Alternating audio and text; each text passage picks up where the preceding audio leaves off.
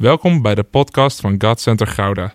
Vanaf deze plek willen we jou inspireren, motiveren en activeren om op een praktische manier je dagelijks leven met God vorm te geven.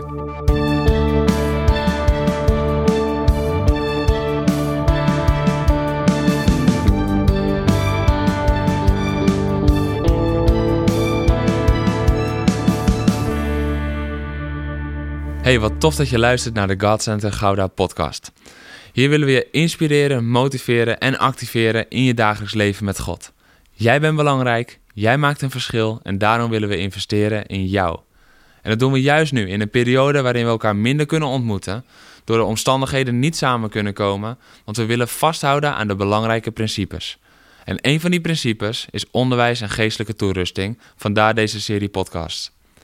In de eerste aflevering hebben we gekeken naar wat een kerk krachtig maakt.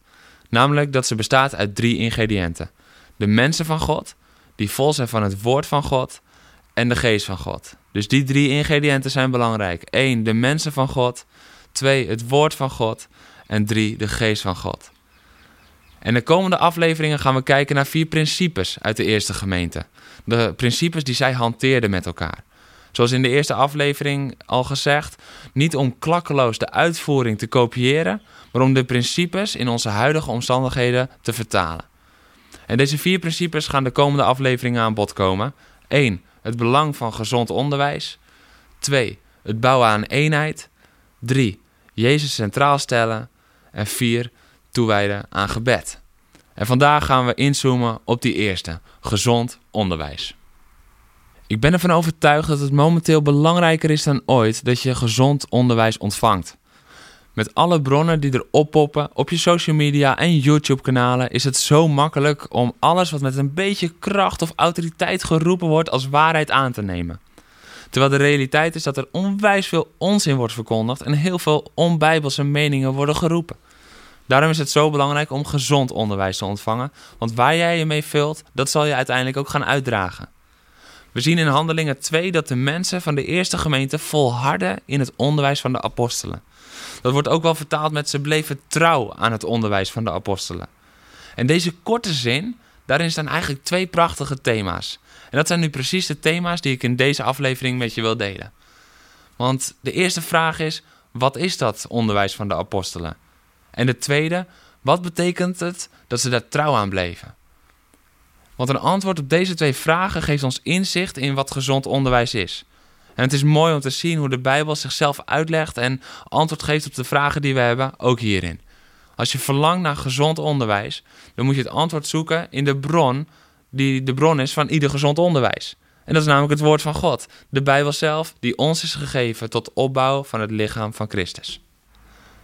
Laten we kijken naar die eerste vraag. Wat is het onderwijs van de apostelen? Wat was het onderwijs? Helaas hebben we geen aantekeningen, blaadjes van de preken of de trainingen die de apostelen gaven in de eerste gemeente. Dat had natuurlijk super mooi geweest. Maar we zien in handelingen wel de uitwerking ervan. Niet de directe inhoud, maar wel de uitwerking van wat zij leerden. En toch kunnen we dus ook ontdekken wat hun onderwijs inhield. Want het onderwijs dat is gekoppeld aan wat Jezus zei in Matthäus 28. Maak alle volken tot mijn discipelen. En hoe moesten ze dat doen? Eén, door ze te dopen in de naam van de Vader, de Zoon en de Heilige Geest. En twee, door zich te houden aan alles wat ik geboden heb, alles wat ik jullie heb geleerd. Leer ze dat, zodat ze zich daar ook aan gaan houden. En zo maak je discipelen. Daardoor worden we discipelen. Te wandelen in wat hij leerde. En dat is de eerste roeping van een discipel. En misschien vraag je af, ja, een discipel, een leerling, hoe moet ik dat dan precies voor me zien? Wat heel belangrijk is, in de tijd van de Bijbel dat leerlingen niet naar school gingen om daar even informatie op te halen en daar dan wat mee deden. Nee, zij gingen echt in de leer bij een meester. Ze wilden leren denken als de meester. Ze wilden leren doen als de meester. Dat is wat een discipel was in die tijd. Het was niet, oké, ik kom in een klaslokaal, ik leer wat diegene kan overbrengen. Nee, maar het leven met de ander delen. En door steeds meer dezelfde manier van denken, dezelfde manier van doen onder de knie te krijgen, daardoor ging hij ook dezelfde vrucht voortbrengen. En dat is wat echt discipelschap is. Dat kennen we tegenwoordig amper nog. Want wij gaan naar school en we hebben boeken en we leren een manier om datzelfde resultaat te krijgen. Maar in de tijd van de Bijbel ging het allemaal niet zo om dat eindresultaat. Wat zo snel mogelijk, zo makkelijk mogelijk, zo goedkoop mogelijk gehaald moest worden. Nee, de meester was gericht op de weg ernaartoe. Vergelijk het even met een wiskundesom die je aan het maken bent. Je hebt heel veel verschillende stappen om tot een antwoord te komen bij een ingewikkelde som. En wij willen vaak, oké, hoe kom ik bij dat antwoord? En hoe kan ik zorgen dat ik dat antwoord het snelst ken en dat ik daarachter kom en dat ik dat onder controle heb? Terwijl een goede wiskundedocent, die gaat je niet de snelste weg naar het antwoord, maar de beste weg naar het antwoord leren.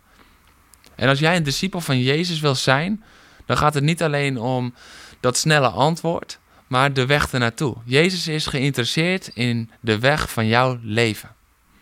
Als jij een discipel van Jezus wilt zijn, gaat het niet alleen om de vervulling van de belofte van je leven, nee, maar het gaat om de weg daarnaartoe. Wanneer wij ons meer en meer bezig gaan houden met de woorden van Jezus en het worden als Jezus, gaan we ook meer en meer de dingen doen zoals Jezus dat deed.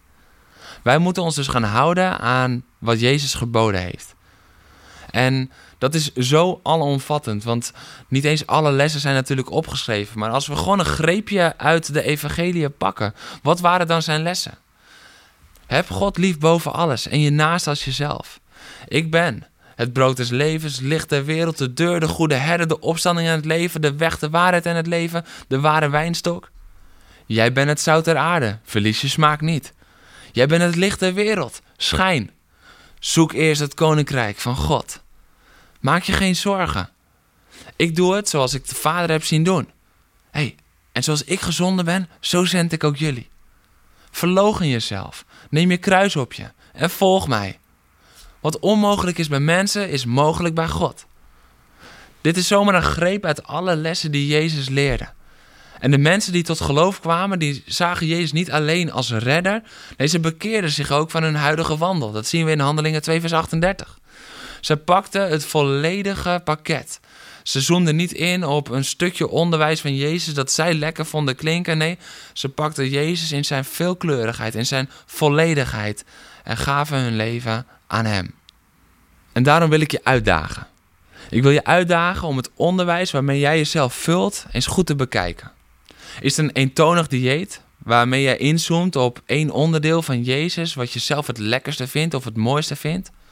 Of is het het gevarieerde, het gevarieerde, veelkleurige, zoals Jezus echt het onderwijs gaf? Hij besprak zowel de genade die we ontvangen als de prijs die het kost om discipel te zijn. Hij leerde zowel over de wonderen als het omgaan met zorgen. Hij had het over het koninkrijk van God en hij had het over hoe we hier in de realiteit op aarde moeten leren leven. Het onderwijs van de apostelen was vol van de verschillende lessen van Jezus en was er steeds op gericht om discipelen te maken. Oké, dus dat was de eerste vraag. Wat was het onderwijs van de apostelen? Dan gaan we nu kijken naar die tweede. Wat betekent het dat ze trouw bleven aan het onderwijs? Dat is de volgende vraag. Nu we weten waar het onderwijs uit bestond, uit de woorden van Jezus, het leven van Jezus, dat de apostelen jarenlang hadden meegemaakt. Ze hadden jarenlang met hem opgetrokken. En Jezus die dan vlak voor de hemelvaart opdraagt om dat helemaal te brengen. Niet alleen de wonderen, niet alleen de tekenen, niet alleen de woorden, maar alles, het volledige pakket. Nu we dat weten, kunnen we kijken naar wat het betekent om daar trouw aan te blijven en trouw mee om te gaan. Want trouw zijn is niet alleen het kennen of het weten van het onderwijs dat is gegeven. Trouw zijn is het handelen naar en leven vanuit het onderwijs dat is gegeven. Weet je dat dit de droom is van elke spreker? Dat de hoorder gaat doen waarover het onderwijs of een preek is gegeven. En niet omdat het dan gaat om een stukje bewijzen van de spreker zelf, maar omdat het horen van het onderwijs, dat verandert je leven niet. Het doen van het onderwijs, dat verandert je leven radicaal. En ik zeg je eerlijk, ik heb Handelingen 2, vers 42 jarenlang op de verkeerde manier gelezen. Ik las het als een trouwe Bijbelstudiegroep. Ze volharden bij het onderwijs, ze bleven trouw aan het onderwijs. En ik interpreteerde dat dan als ze bleven in de Bijbel studeren, ze bleven naar de woorden luisteren. Maar ik ben erachter gekomen dat dit iets heel anders betekent. Ze bleven de woorden van Jezus leven. Niet alleen lezen, maar ook leven. De trouw aan het onderwijs was niet de hoeveelheid studie die ze ontvingen, maar was de wandel die zich vormde naar de woorden die ze hoorden. Het horen van een krachtige en gezonde preek heeft nog nooit iemand veranderd. Het ontvangen van die woorden in je hart, ruimte geven aan de Heilige Geest om te spreken en het dan gaan toepassen in je leven, dat is wat jouw leven verandert.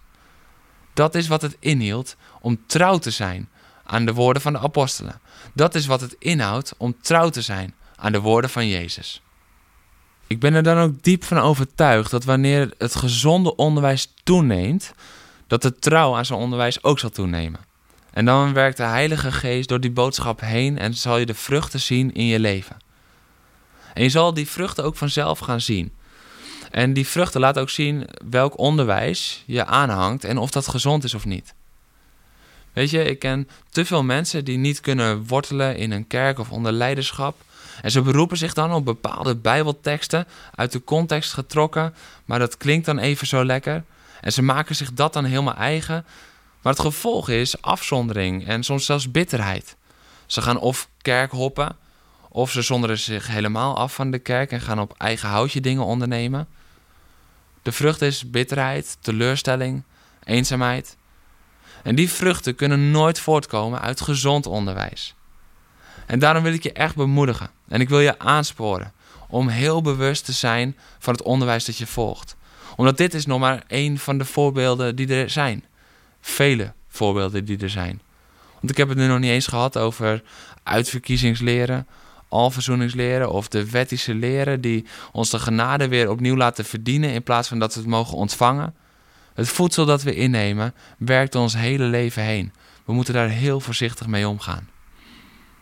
En we het ook praktisch maken met elkaar, voor in ons dagelijks leven. Ik wil een quote met je delen van Moeder Teresa. Wees trouw in de kleine dingen, want het is in die kleine dingen waar je kracht ligt. Als we het nou hebben over trouw zijn aan Gods woord, trouw aan het onderwijs, dan denken we vaak aan hele grote dingen. Dan komen termen als roeping, bediening, Gods plan, die komen snel bovendrijven. En we kunnen misschien wel een beetje verlamd worden, meer verlamd worden dan geactiveerd worden door sommige van die termen.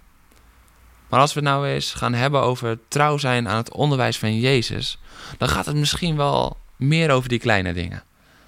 Het trouw zijn aan de woorden van Jezus op het moment dat je familie vervelend doet. Of je collega's roddelen, of je teamgenoten maken seksistische grappen. Trouw zijn begint bij die kleine dingen. En door trouw te zijn in die kleine dingen, maak je jezelf vanzelf klaar om in de grote dingen trouw te kunnen zijn. Dit is dus het eerste principe van de eerste gemeente: gezond onderwijs. Naar aanleiding van Handelingen 2, vers 42, waaruit twee vragen zijn ontstaan. De eerste was: wat is het onderwijs van de apostelen? En het onderwijs van de apostelen was vol van de verschillende lessen van zowel de woorden als het leven van Jezus, die er steeds op gericht zijn om discipelen te maken. En het tweede, de tweede vraag was: wat betekent het dat ze daar trouw aan bleven? En trouw zijn is het handelen naar en leven vanuit het onderwijs dat is gegeven. Dus niet alleen het luisteren naar of het volproppen met lessen, preken, onderwijs. Nee, maar die woorden, lessen en het leven van Jezus in de praktijk brengen. En ik moedig je dan ook aan om hier bewust mee aan de slag te gaan de komende tijd. Juist in een periode waarin preken, valse leren, heel veel informatie zo makkelijk bereikbaar is. Overal waar je wilt kan je mee in aanraking komen. En het is van groot belang dat we opstaan. Om samen in de missie van Jezus te blijven leven aan de hand van zijn woorden, zijn onderwijs en zijn leven. De komende weken gaan we verder met de principes van een krachtige kerk. Dit was het eerste principe, het belang van gezond onderwijs. En de volgende keer gaan we kijken naar het belang van bouwen aan eenheid. Daarna gaan we kijken naar Jezus die centraal staat en toewijden aan gebed. En ik wil je vragen om je te abonneren op deze podcast, zodat je verbonden blijft. Zodat je iedere keer als er weer een nieuwe aflevering komt, dat je het gelijk ziet en dat je lekker mee kan luisteren. Deel het vooral met vrienden en familie, deel het op je socials en laat vooral een review achter. Heb je vragen? Mail ons. We komen graag met je in contact.